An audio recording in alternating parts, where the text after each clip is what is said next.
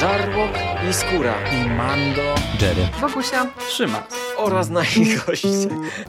Zapraszamy. Zapraszamy. zapraszamy. zapraszamy. Zapraszamy.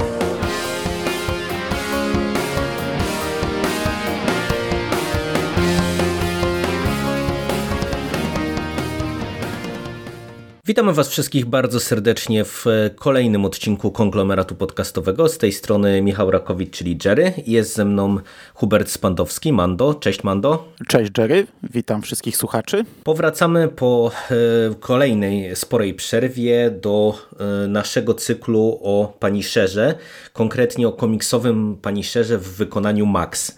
E, niektórych z Was, którzy może nie śledzą tego, co Egmont wydaje na bieżąco, może zaskoczyć, że pomimo tego, że y, rozmawialiśmy w tych wcześniejszych podcastach y, na temat tego ranu Enisa, że to jest historia zakończona, powracamy do tematu.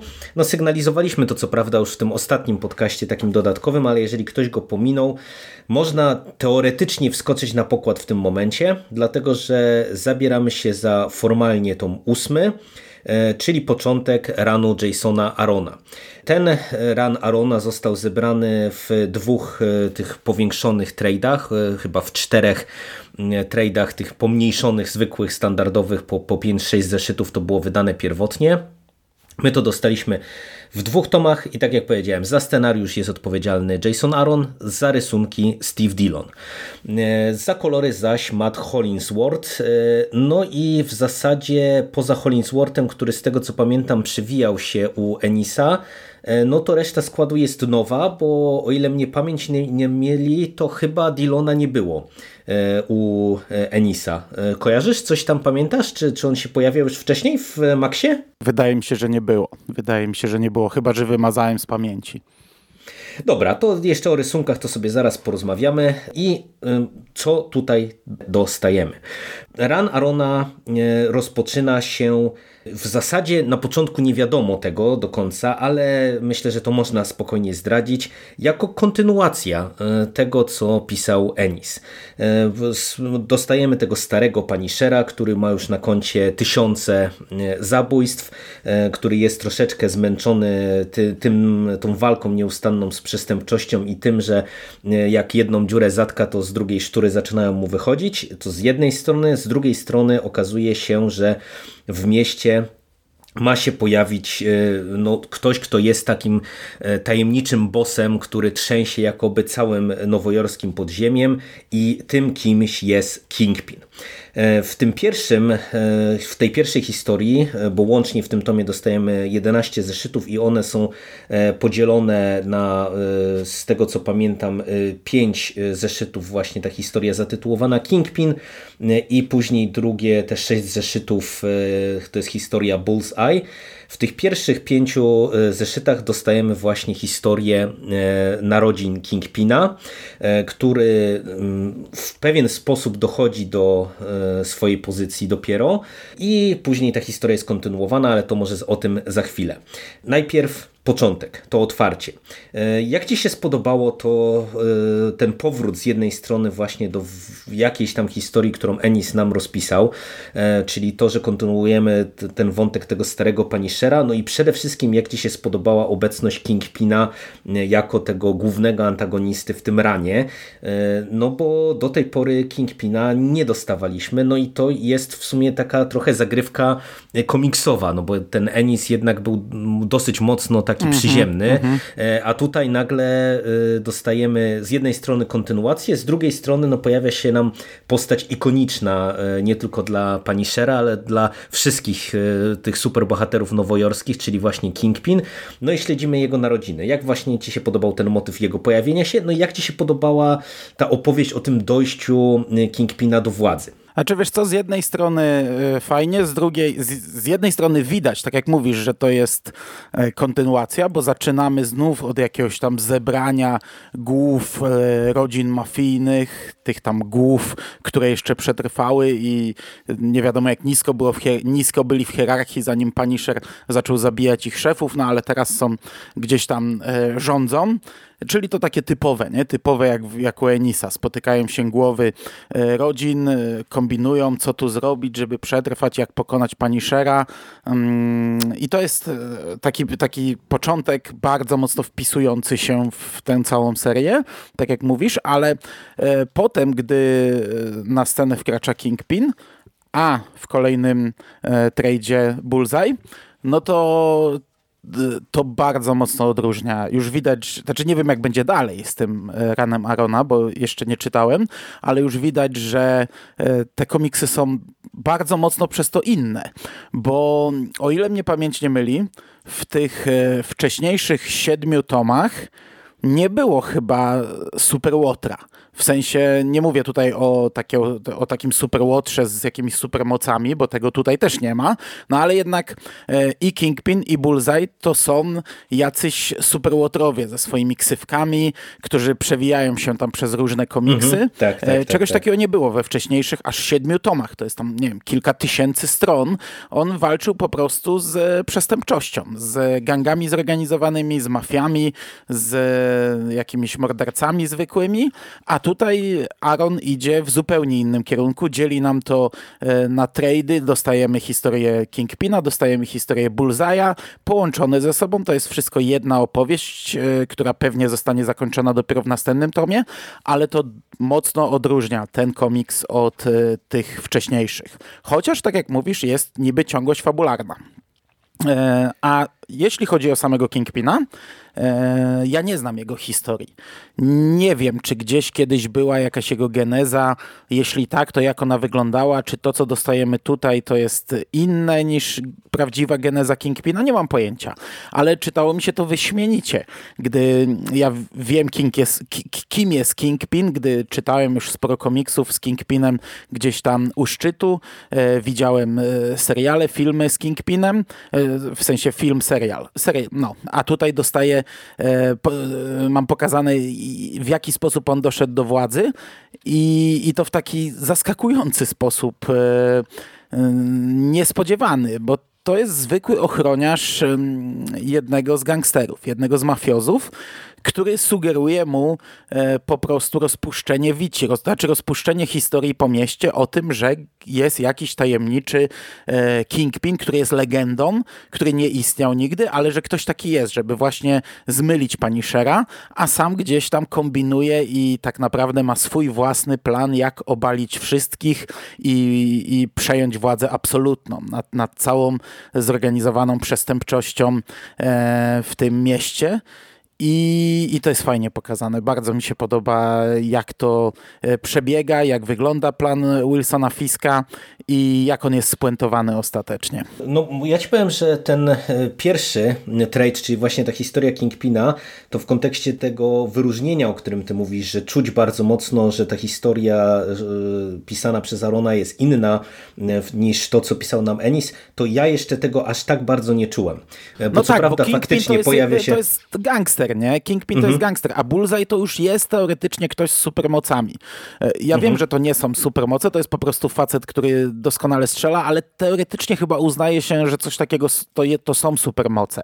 Tak jak Sokole Oko, to też jest niby normalny facet, który strzela z łuku, ale chyba uznaje się, że tak, e, taka umiejętność strzelecka to są supermoce, więc przy Bullseye'u już to czuć mocno, że pojawia się kolejny złol, który już jest e, mocno oderwany od świata przestępczego. No, no Kingpin mhm. to jednak, znaczy od tego świata mafijnego, nie? od tej zorganizowanej przestępczości, który już jest taką personą, która ma swój symbol, emblemat i tak dalej. Nie?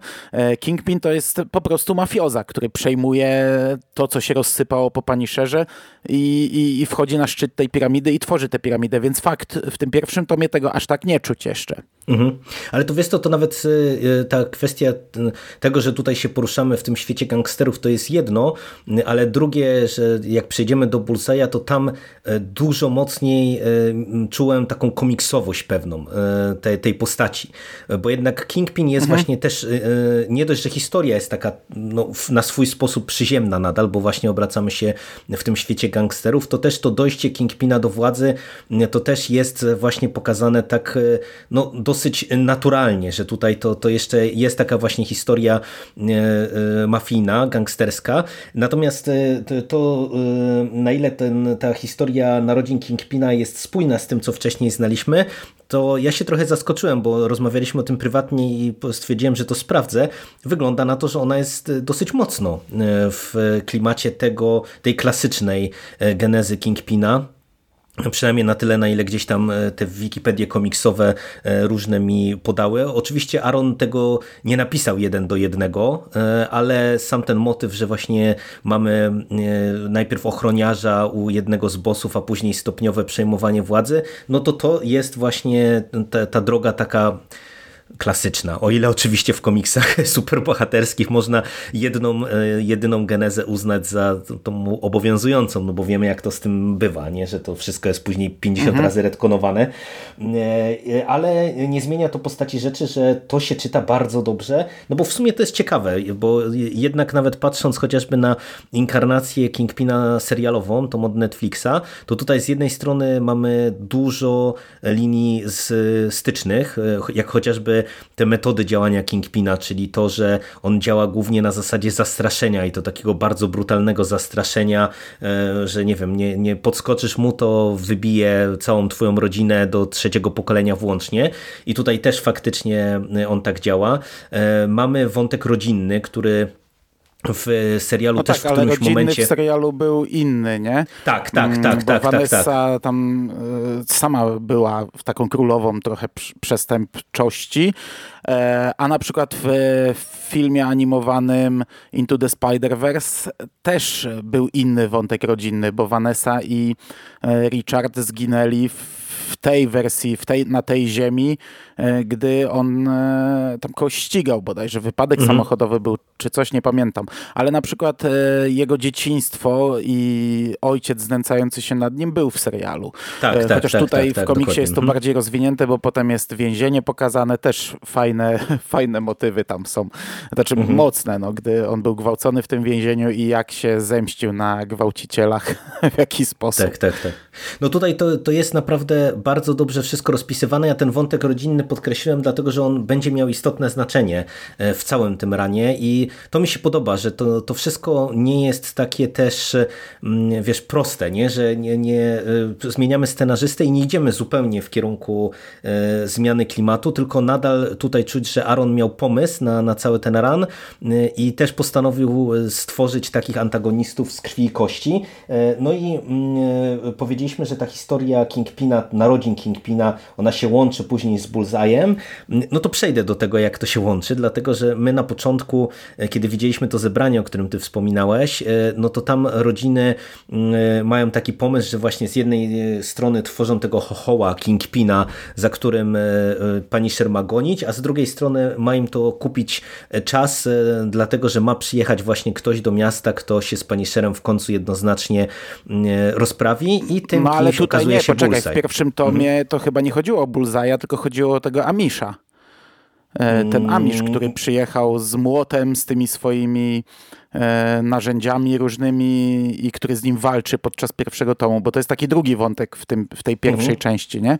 Że przyjeżdża znaczy, no, Amish jakiś... Mi się, mi się wydawało, że to ten Bullseye mimo wszystko był jedno, bo ten Amish faktycznie też przyjeżdża, e, ale e, no ja zakładałem, że to jest Bullseye, bo Bullseye się tam pojawia i, i też jakby nawiązuje do tego, że właśnie został najęty przez A, kogoś faktycznie, wcześniej. No, że został, no, że został wynajęty przez wcześniejszego. No, no czyli może tak, może tak. No, dobra. No, no także, to, także to tutaj jakby mamy Ma, nie, nie, to, to, wiesz, to, to nie jest błąd, bo to faktycznie jest trochę nieczytelne, bo ja też nawet jak sobie układałem w głowie, to później się zastanawiałem, skąd ten Amish e, e, się wziął, bo w, tak z perspektywy tylko tego tomu Kingpin, e, umownie go tak nazwijmy, no to ono wygląda na to, że to jest właśnie ta postać, która jest zapowiadana na początku, a ten Bullseye się pojawia na ostatnim kadrze chyba te, tego, mhm. tego tomu i, i później mamy rozpoczęcie właśnie już jego, jego wątku, jego historii.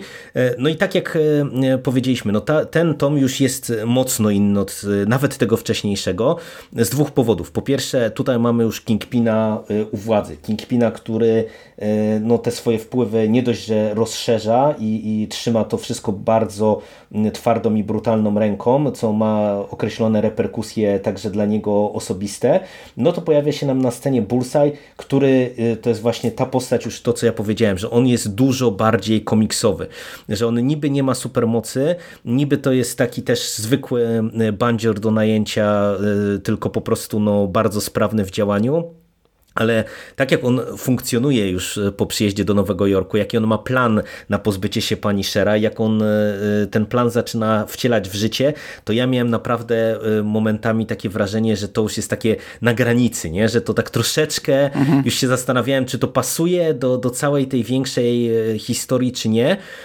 Ale też już zanim Ci oddam głos, to Ci powiem, że dla mnie suma summarum z perspektywy szczególnie tego finału tego tomu i to do czego e, ta cała potyczka pomiędzy Punisherem i Bullseye'em prowadzi, to dla mnie to była naprawdę petarda. Jak Ci się to podobało? No bo jednak właśnie raz mówisz sam, że, że to jest mocno inne, mocno się czuje, że tutaj jest ta, ta, ta zmiana klimatu, mm, e, no ale, ale czy to mimo wszystko Ci działa, czy, czy nie? Czy czujesz właśnie jakiś pewien zgrzyt na tym etapie? działa, ale ja już czuję, że to już jest co innego. E, ale działa jako komiks. Bullseye jest fajną, fajną postacią. On jest taki e, i wizualnie dziwny, bo on jest taki, taki gładki koleś. Taki, tutaj mamy sceny z nim nago wielokrotnie. E, taki be, bez żadnego włoska z, tą, z tym celownikiem wytatuowanym na czole. W ogóle nigdy nie widziałem, że on tam ma strzały w koło tego celownika. Takie jakby, jakby ktoś próbował trafić w ten celownik. Takie blizny jakby po kulach no co trochę bez sensu, ale, ale tak to wygląda. I on jest e, popieprzony już tak naprawdę mm, poza granicami wszelkimi. E, taki koleś, który jest e, rysowany w taki sposób, że on ma taki uśmieszek, jest taki... Taki takim, luzakiem jest, nie, takim no, luzakiem no, niby na no. początku ale takim zamyślonym, takim, takim romantykiem, nie wiem, no. a, a, a rzeczy, które tutaj robi, e, począwszy od tortur przez e, te takie już w ogóle, gdzie on próbuje wejść w buty pani Szera, żyć jego życiem, śpi gdzieś tam nago w jego starych kryjówkach, śpi na cmentarzu, na grobie jego rodziny, a potem, gdy próbuje poczuć to, co poczuł Paniszer e, podczas e, tego popołudnia na, w parku, no to to już w ogóle jest poza skalą popieprzenia. I okej, okay, no ale tak jak mówię, to ja już czuję, że to jest inny komiks. E, pożegnaliśmy tam tego Shera Enisa i tutaj już mamy inną zabawę, nie? inną frajdę. Suma summarum tak, ale y, ci powiem, że no, tak jak mówię, z, dla mnie to było zadziwiająco satysfakcjonujące doświadczenie. Początek był dla mnie dosyć taki ciężkawy, no bo y, te, to, to, pierwsze pojawienie się Bullseye'a, no to bardzo mocno mnie wybiło, ci powiem. Ale im dalej w ten komiks, to tym y, bardziej rozumiałem też zamysł Arona, a też ja już nie będę ukrywał, jestem po finale tej historii, no to ja bardzo doceniam to, jak e, mądrze Aaron sobie cały ten komiks rozpisał. My żeśmy chwalili to bardzo u Enisa, że on w zasadzie przez te pierwsze pięć tomów e, swoje, to, to, no to, to, była, to był komiks, który e, w zasadzie, no, czy sześć, bo to było chyba na 60 zeszytów łącznie, to, to była historia, która była naprawdę kawałek po kawałku rozpisana i tam czuć było, że on wielokrotnie wraca w dalszych zeszytach do, do pewnych wątków, które się rozpoczęły. I tutaj e, te, te dwa tomy e, też no, z perspektywy całości dają właśnie ten większy obraz, e, już to budowanie większego obrazu i to jest super, a też działają dla mnie jako takie osobne komiksy, bo to też w sumie było dla mnie pewne zaskoczenie, bo już wydawało mi się, że jak ten Aaron, ten Aaron się pojawił na tak krótki w sumie ran, no bo on tam chyba ma łącznie 23 zeszyty, to że jednak nie będzie aż takiego poczucia oddzielenia tych historii, a jednak wydaje mi się, że jak ktoś to kupował w tych zwykłych trade'ach, to, to no można to było czytać po prostu jako takie zamknięte opowieści. Traciło się oczywiście ten, ten kontekst większej historii, ale no też z drugiej strony wydaje mi się, że właśnie Aaron trochę dbał o to, żeby, żeby można było w to wejść i, i to byłoby przystępne dla, dla tego nowego czytelnika. Tak, ale, znaczy nie przechodźmy jeszcze do podsumowania, bo ja tu jeszcze o kilku szczegółach będę chciał robić. Nie, nie, ale no, je, jeszcze rysunki W związku z tym, co mówisz, e, tak, Enis miał sześć tomów, bo szósty nie był Enisa, ale potem znów siódmy był Enisa i łączył się z wszystkimi. Mm, to tak tylko e, w ramach dopowiedzenia, ale e, zgadzam się z tym, co mówisz, ale ja i tak czuję pod tym kątem też różnicę, bo widzę, że e, Aaron napisał jedną długą historię. Chociażby ta, ten ostatni kadr w pierwszym tomie Kingpin mhm takich rzeczy raczej nie było u Enisa e, i to tak płynnie przechodzi w następną historię. Następna historia bardzo ściśle się wiąże. To jest niby z Bullseye'em na pierwszym planie, ale Kingpin tam jest w zasadzie krok za nim i, i jego historia też jest tutaj bardzo istotna, a koniec, e, kończy się ten tom cliffhangerem. No takich rzeczy nie było jeszcze w Punisher Max. On się kończy mhm. urwaniem e, historii. Z, zamyka taki jeden, jeden rozdział, e, ale, ale nie kończy nam tej potyczki tak naprawdę i zakładam, że w kolejnym tomie to będzie ciągłość, ciągłość fabularna. Tak, e, tak Także jest to, ciągłość, ale to jest uzasadnione, kątem... bo Aaron w posłowiu do tego dziewiątego tomu y, napisał o tym wprost, że on y, zgodził się pisać Punishera tylko i wyłącznie pod warunkiem, że dostanie określoną ilość zeszytów i będzie mógł napisać taką historię, jaką chce. No i to czuć, nie? że po prostu to, to no, de facto jest no. jedna, jedna historia. Ja nie krytykuję, nie? ale mówię, że to pod tym kątem się bardzo mocno różni od tych wcześniejszych, bo te wcześniejsze nawet jak do siebie nawiązywały, gdzieś tam mhm. odwoływały się do wcześniejszych wydarzeń, to to były tylko nawiązania czy odwołania. A tutaj ja czuję, że to jest jedna historia y, ciągła, spójna. I gdy ja skończyłem ten tom, a nie miałem w domu dziewiątego, to tak trochę się poczułem tak, a, tak, znaczy nie, tak, że kurczę, no chcę dalej, no bo, bo, bo, bo nie skończyłem tej historii, jestem w połowie, nie? No, zgadza się. No ale powiedziałeś no. Je, jeszcze szczegóły, no to, to e, wal, bo ja jeszcze też e, kilka rzeczy bym chciał poruszyć. No to szczegóły. Po pierwsze podobał mi się ten Amish w pierwszym tomie, chociaż mhm. już na tym etapie jedna rzecz mnie trochę gryzła, czyli te czarne ramki z myślami pani Shera. E, one są przez cały tom i to mi się średnio podobało, bo on tutaj, Paniszek dostaje kilka razy nieźle w dupę i to tak naprawdę nieźle. Gdzieś tam e, wykrwawia się prawie na śmierć, mdleje, jest połamany i on idzie i sobie o tym myśli. Nie wiem, przejeżdżają przez niego konie i ciągnące jakąś bryczkę, a, a on myśli, połamane żebra, pęknięte coś tam i tutaj coś rozwalone, chyba już nie dojdę, czuję, że mdleję, nie, nie mogę zemdleć, muszę się uspokoić, idę, krew za szybko wylatuje, pewnie tutaj za głębokie cięcie i tak dalej. I, i tak przez cały tom to jest. Później dostaje od Bulzaja w szyję strzał ze snajperki i też o tym myśli, nie? że zaraz się wykrwawię, muszę się schować, yy, tu nie mogę zemdleć. I no, tak mi się to średnio podobało, tak szczerze, nie lubię takich myśli bohatera mhm. yy, na, na na, tej zasadzie. Kojarzy mi się to ze starymi komiksami, jak ktoś tam, nie wiem, pod wodą sobie myślał, nie mogę oddychać, co mam teraz zrobić, gdzie tam bardzo dużo się pisało właśnie w myślach, w tych chmurkach bohaterów, z tym mi się kojarzy. Teraz już się nie robi chmurek, ale często zastępuje się to ramkami. E, to to jedna rzecz, taki drobiazg. Ale to wiesz to, to tylko na, od razu ci powiem, że mhm. mi to o tyle nie przeszkadzało, że ja miałem wrażenie, że to był zabieg celowy Arona, żeby nam pokazać to starzenie się Punishera i to, że on się coraz bardziej rozsypuje, szczególnie w kontekście tego, że yy, tak jak fabularnie ja czułem, że to jest kontynuacja, tak ten styl Dylona y, powoduje, że, że tu widzimy często no po prostu młodego faceta, nie? I, i ja miałem wrażenie, mhm. że te, te myśli pomagały mm, nadać tej historii ten odpowiedni ton, nie? czyli taki schyłkowy, nie? Że, że on się coraz bardziej e, rozpada i coraz bardziej sobie nie daje rady z tymi wszystkimi złolami e, i, i to było moim zdaniem super. W ogóle ten lekarz, który do niego przychodził, to był facet z ostatniego komiksu z siódmego tomu. E, mhm. Jeden z tych facetów, nie? Bo ja sobie porównywałem tak. rysunki, no trochę inaczej wygląda, ale to, to styl zupełnie inny. To był ten jeden z jego oddziału, z którym wtedy no, był tak, wywiad tak. Tak, tak, tak no, no, mi się no, kojarzy. Mhm, że to jest ten. Mhm. mhm. Dobra. E, za to bardzo mi się podoba, chociaż jest to kontrowersyjne, e, historia pani Shera, e, tego co dzieje się w jego głowie i tego co trochę nadpisuje rzeczy z jego przyszłości. Czyli po pierwsze, on tutaj no trochę puszcza się peronu w pewnym momencie. W sensie podejmuje decyzję, że zabije policjanta, ponieważ policja jest kupiona przez Kingpina, w zasadzie większość policji jest w jego kieszeni i on podejmuje decyzję przekroczenia tej granicy, co się bardzo mocno na nim odbija, no bo policja w tym momencie bierze go na cel jako mordercę glin, a wcześniej gdzieś tam przymykała oko na to, co on robił, bo chociaż był brutalny, chociaż był mordercą, to zabijał tych złych, nie? nigdy nie tykał policjantów.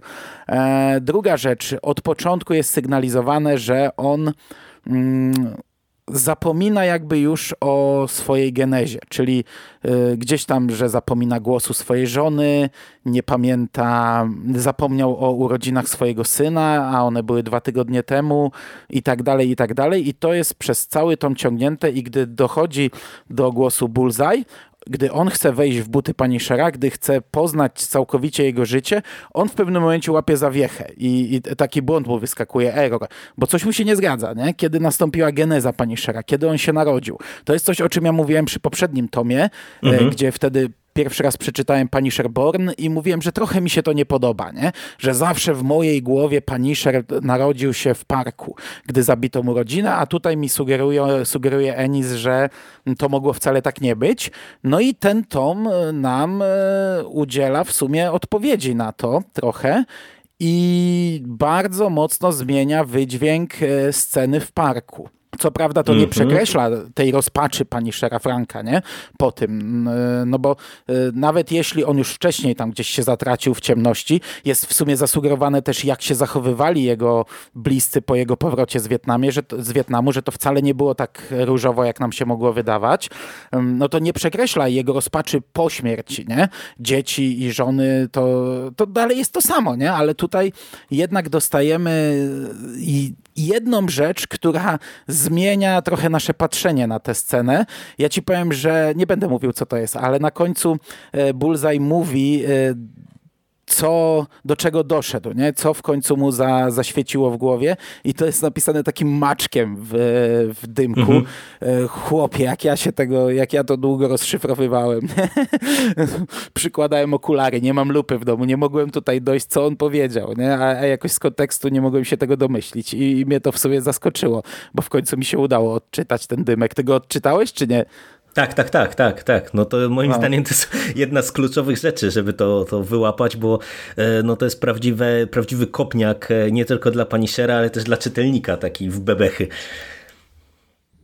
No, to tak jak mówię, to nie zmienia późniejszej historii jakoś mocno, nie? To bardziej zmienia y, trochę patrzenie na jego y, wcześniejsze życie, bo ja sobie zawsze wyobrażałem, że to jednak był facet taki, wiesz, y, no bez problemów, a tutaj pokazuje nam, że ta geneza tak naprawdę nastąpiła w Wietnamie, że to Wietnam stworzył Punishera, a, mhm. a to, co nastąpiło później, po prostu go pchnęło do, do, do w, tę w przepaść, nie? Także to mi się na, nawet podobało. Może jeszcze, mo, może gdybym y, już, wiesz, nie przetrawił tego poprzedniego tomu, bo tak jak mówię, ten pani Sherborn trochę mi się wtedy nie podobał, trochę marudziłem, ale że już to przetrawiłem, już to miałem y, gdzieś tam y, z tyłu głowy cały czas, no to, to, jest to kontynuowane i, i, i w sumie no tutaj Aaron właśnie pod tym kątem mocno kontynuuje to, co było w Pani Sherborn. Znaczy obydwie rzeczy faktycznie mogą być nieco kontrowersyjne, ale ja uważam, że to był dobry ruch ze strony Arona, żeby tak to rozegrać, bo to są naprawdę dwie potężne rzeczy.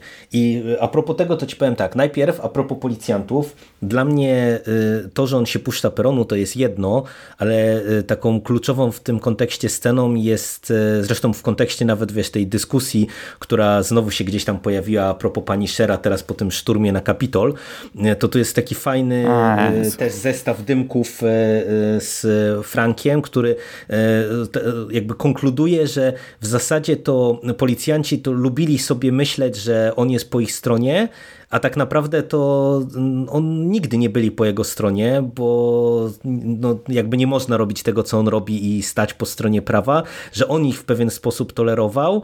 E, no i jeżeli teraz uznali, że, że zabicie jednego z nich, który, który na to zasłużył w, tym, w ramach tego kodeksu Punishera, to przekreśla tą taką niepisaną umowę, że mu nie wchodzą w drogę, no to, to okej. Okay. I, I dla mnie to było super, bo wiesz, bo to ten sam motyw tego zabicia gliniarza to, to jest jedno, bo to faktycznie było, było nowum i, i, i to już było dosyć e, mocne, ale dla mnie właśnie ta reperkusja tego i, i, i ten ciąg e, tych kadrów, który nam właśnie trochę e, pokazuje e, perspektywę pani Szera na, na to, to, mówię, taką niepisaną umowę z policją, to było prawdziwe zwieńczenie tego, tego motywu. To było dla mnie super, bo to też jest taki motyw, który wielokrotnie wraca, nie? Na ile właśnie pani Szer to jest e, po prostu postać jakaś tam no, pozytywna, to w ogóle nie, mi chyba nie przejdzie przez, my, przez gardło, ale taka, taka postać, której my możemy kibicować w tej, w tej jego zemście, no i on tutaj w zasadzie zasadzie trochę mówi wprost, nie? że no nie, nie powinniśmy mu kibicować,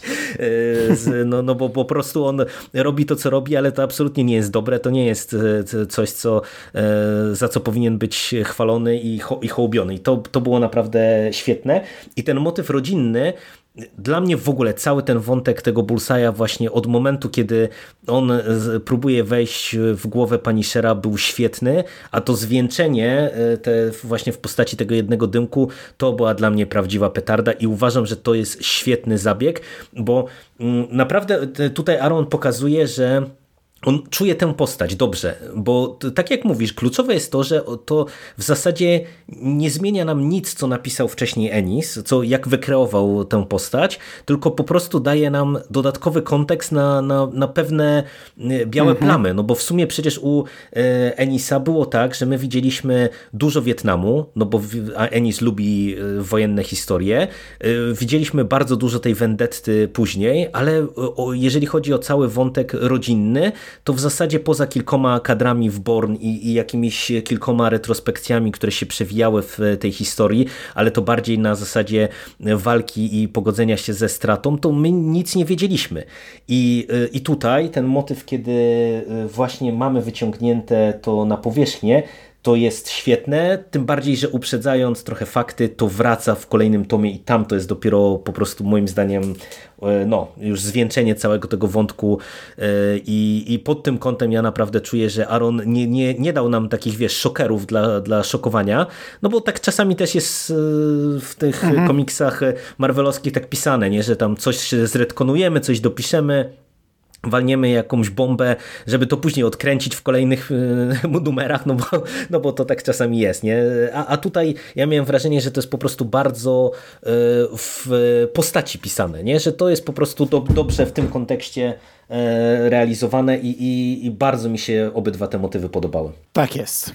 To ja chyba tyle, jeśli chodzi o fabułę. To Dillon na, e, na warstwie graficznej, e, bo e, no, my trochę na niego narzekaliśmy tak między wierszami. I jak Ci się podobały tutaj rysunki w tym konkretnym komiksie tego pana? Wiesz co, ja nie lubię Dillona, no, ale też na szczęście chyba go nie znam za dużo, a może nie na szczęście, bo jednak ludzie mówią, że w niektórych komiksach on zupełnie inaczej rysuje i, tak, i, i to tak źle nie wygląda. Ja chyba czytałem z nim tylko Witaj w domu Frank z również pani Szera, nie?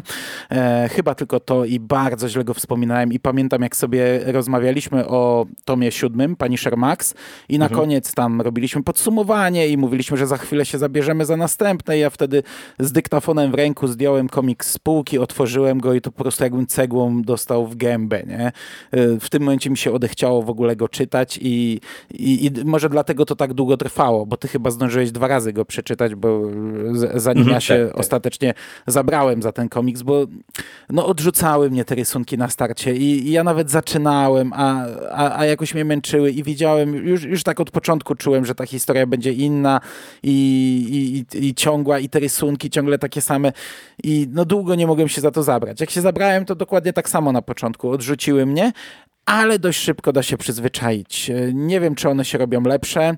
Nie sądzę. To jest raczej e, spójny, stały styl. Po prostu e, łyknąłem go. E, wolałbym, żeby to było rysowane inaczej, e, bo, bo nie jestem i nie będę nigdy fanem e, Steve'a Dillona, ale ale okej, okay, da się to czytać, da się to oglądać, da się do tego przyzwyczaić.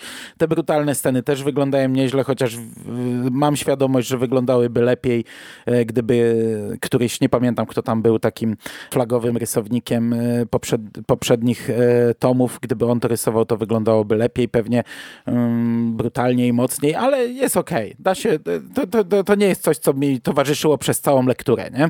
Przyzwyczaiłem się do tego szybko i, i, i myślę, że dziewiąty tom już mi nie sprawi takich problemów na początku.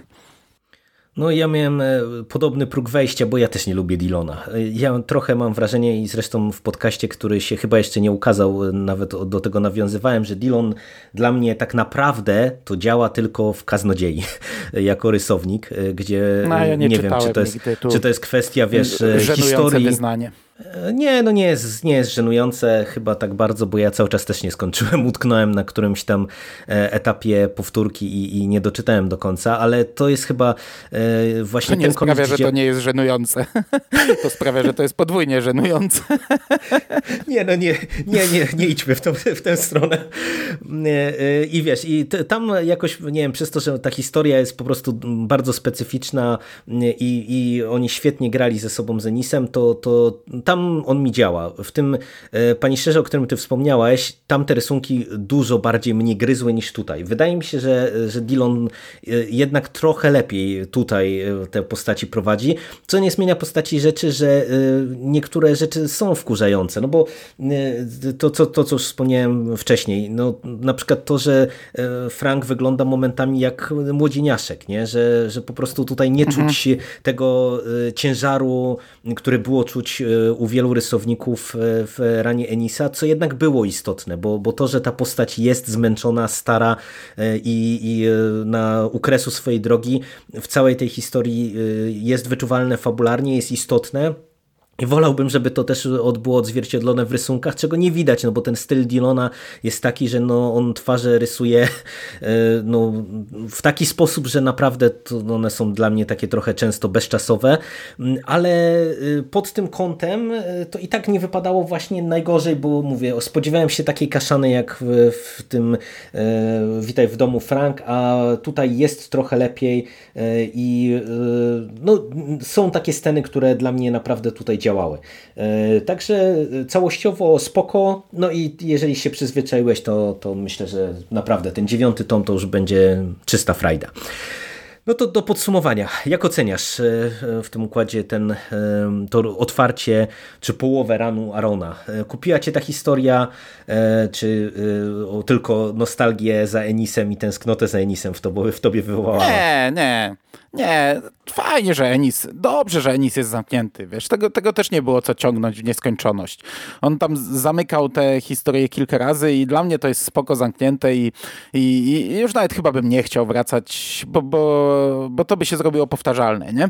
Także okej, okay, jest inne. Ja to czuję dość mocno, już nawet chociażby objętościowo, co w sumie mnie trochę bawi, bo mm, pewnie przytaczałem to wielokrotnie w podcastach, pewnie za każdym razem, gdy mówię o grubych podcastach, ale cały czas mam z tyłu głowy to, jak kiedyś tam kilka lat temu wydawcy mówili, że nigdy w Polsce nie zostanie wydane długie Halloween, ponieważ jest to komiks tak gigantyczny, że musiałby zostać wydany w mikronakładzie i kosztować zyliony galeonów i nikt by go nie kupił poza jednostkami. Mhm a on ma ile? 12 zeszytów? Nie pamiętam. A teraz dostajemy komiks, który ma 11 zeszytów i tak wiesz, patrzę na niego, no fajny, fajny, taki Patrzysz nie na półkę nie? później i, i tak wygląda niepozornie, nie? Ale nawet tego trzymam w ręku, już się tak przyzwyczaiłem do tych wszystkich cegieł od Egmontu, że mówię, no taki, taki cieniutki trochę, nie? Taka, taka, taka marność trochę, nie? A to bawi mnie, no bo 11 zeszytów to jest przecież petarda, nie? To jest coś, co jeszcze kilka lat temu to jakbyśmy dostali, to, to bym powiedział model zaczepno-obronny po prostu. Że można muły wyciskać na nim podnosząc. Także już pod tym kątem widzę, że jest inny, bo tak cieniutkich zeszytów e, komiksów nie było w Punisherze. E, ale dla mnie spoko, wiesz, ja ostatnio czytam bardzo mało komiksów i to tak już od, od dawna. O, od, nie wiem, roku albo i więcej. To w zasadzie tylko Gwiezdne Wojny i, i chyba nic więcej. I, I jak sobie powróciłem do tego komiksu, to kurczę, fantastycznie mi się to czytało. No wiem, że można powiedzieć na bezryby i jak ryba, że wysuszony byłem i może dlatego to tak, tak gładko łyknąłem, ale nabrałem ochoty na, na więcej. Jak, jak zresztą no zawsze nabieram ochoty na więcej, ale to tylko świadczy, że po prostu nie mamy jakiegoś wielkiego spadku, bo czyta się to naprawdę dobrze. Jest inaczej, chociaż jest to kontynuacja, jest inaczej pod każdym kątem i fabularnym i, i tym bardziej wizualnym, ale to jest dobry komiks i dzisiaj odbiorę dziewiąty tom, także myślę, że do niego szybko siądę. Chociaż najpierw jeszcze Hill House Comics ma przyjść, także najpierw Hill, a potem Punisher. No, ale to, to się zabiera i zabiera. Ja już jestem po lekturze i, i nie mogę się doczekać rozmowy podsumowującej ca, ca, całą tę historię.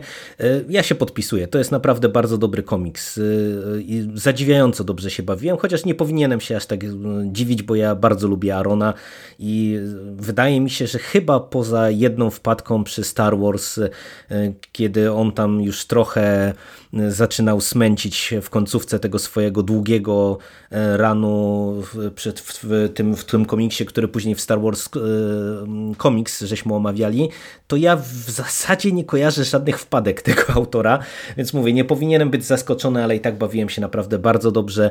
Ciekawym zabiegiem okazało się dla mnie to, że to jest kontynuacja, pomimo tego, że jest pisana in, inaczej, to te wszystkie smaczki, które dostajemy, to jak e, ten Aaron nawiązuje do tego, co było wcześniej, to mi się bardzo podoba. podoba podobają mi się przeciwnicy w tym komiksie. E, podoba mi się to, jak czuć schyłkowość e, pewną pani Shera, no i, i uważam, że to jest naprawdę bardzo dobry komiks, no i i cóż, został nam jeszcze dziewiąty tom, e, no bo już wiemy, że to jest e, definitywny koniec e, no nie, Punishera nie, nie, no tej no historii, ale będzie kontynuowany Punisher no. Max właśnie dalej już w osobnych tych takich mniejszych historiach, bo Naked Kills zostało chyba zapowiedziane i to już w sumie tak Naked chyba nie... Kill, ale to jest też Punisher Max, nie? Tak, to jest tak, tym to samym jest Punisher Max, ale to już chyba tak. nie jest kontynuacja z tego, co, co ja kojarzę, tylko to już jest po prostu no, taki zbiorczy, zbiorczy ja komiks. Nie mam pojęcia, no i pytanie, co, jest. co dalej. Nie mam pojęcia, jak długie to jest, ale okładka wygląda identycznie jak e, okładka oryginalna, wygląda identycznie jak, jak starych Punisherów Max. Nie wiem, czy to ten sam autor robił. Chyba tak. E, mhm. No na pewno będziemy dalej omawiać, także tak, na, na pewno, to, na ten pewno tak. Naked Kill omówimy. Ja w ogóle po każdym tym naszym tomie Punishera mam ochotę powyciągać komiksy, bo kilka mam komiksów Punishera e, na, na półce i je przeczytać i pogadać, bo kurczę, tak lubię tę postać, a a, w sumie i tak dużo ostatnimi czasy jej czytam i dużo o niej gadamy, ale za każdym razem mam ochotę na więcej. No na szczęście teraz Max za chwilę odbiorę, więc, więc będzie więcej. No, bardzo mnie to no. cieszy. To, to, nie przedłużamy. Ja się również cieszę, że w końcu się nam udało zasiąść. Liczę, że ten dziewiąty tom przeczytasz szybko i będzie okazja porozmawiać. A za dzisiejszą rozmowę dzięki Ci bardzo. Dziękuję Ci również. I do usłyszenia w przyszłości. Cześć. Cześć.